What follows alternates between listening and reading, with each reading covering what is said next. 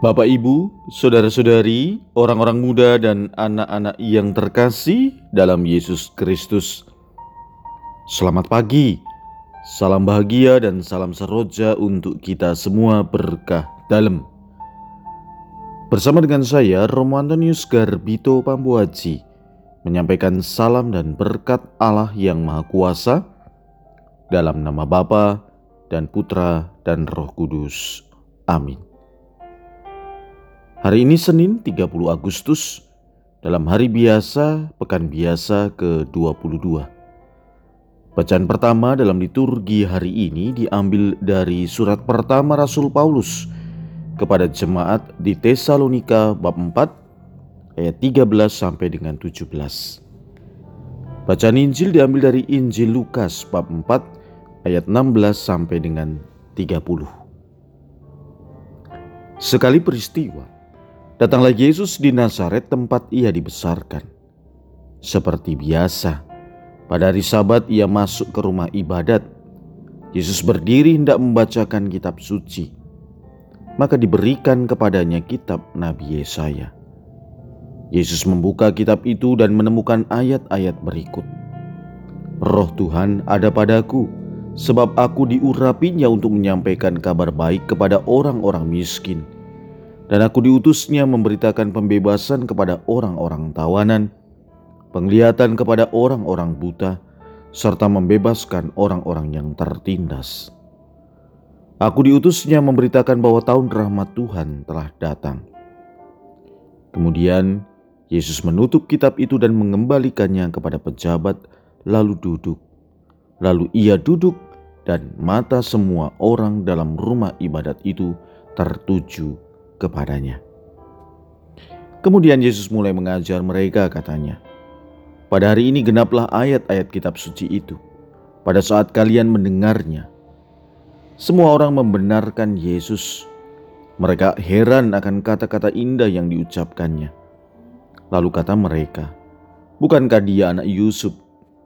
Yesus berkata, Tentu kalian akan mengatakan pepatah ini kepadaku. Hai tabib, sembuhkanlah dirimu sendiri. Perbuatlah di sini, di tempat asalmu ini, segala yang kami dengar telah terjadi di Kapernaum.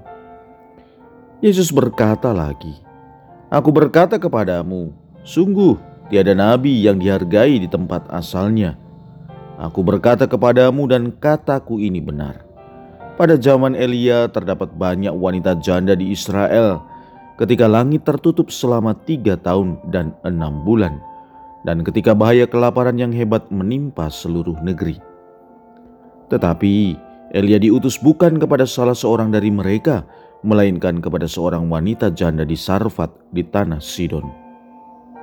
Dan pada saat Nabi Elisa banyak orang kusta di Israel, tetapi tiada seorang pun dari mereka yang ditahirkan selain Naaman orang Syria itu. Mendengar itu, sangat marahlah semua orang di rumah ibadat itu. Mereka bangkit lalu menghalau Yesus keluar kota dan membawa dia ke tebing gunung tempat kota itu terletak untuk melemparkan dia dari tebing itu.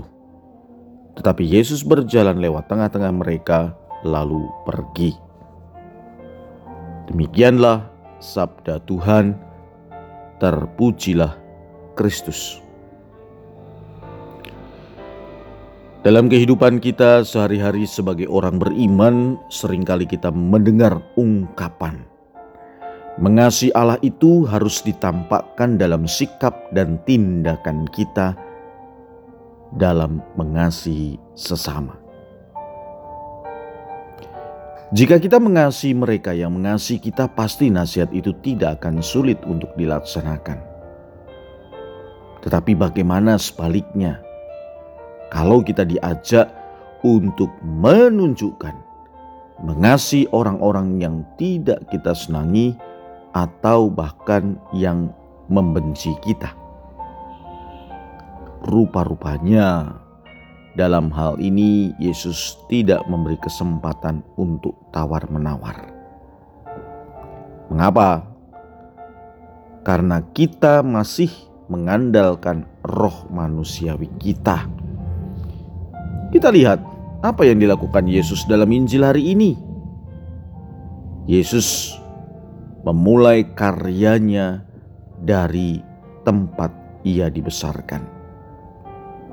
Orang-orang sekampungnya takjub, heran, dan membenarkan apa yang diajarkan Yesus, karena Yesus penuh dengan Roh Kudus. Yesus sendiri mengatakan dan memberikan kesaksian itu, "Roh Tuhan ada padaku." Kita tahu, dengan kekuatan Roh Ilahi itu, Yesus mampu mengatasi segala keterbatasan manusiawi.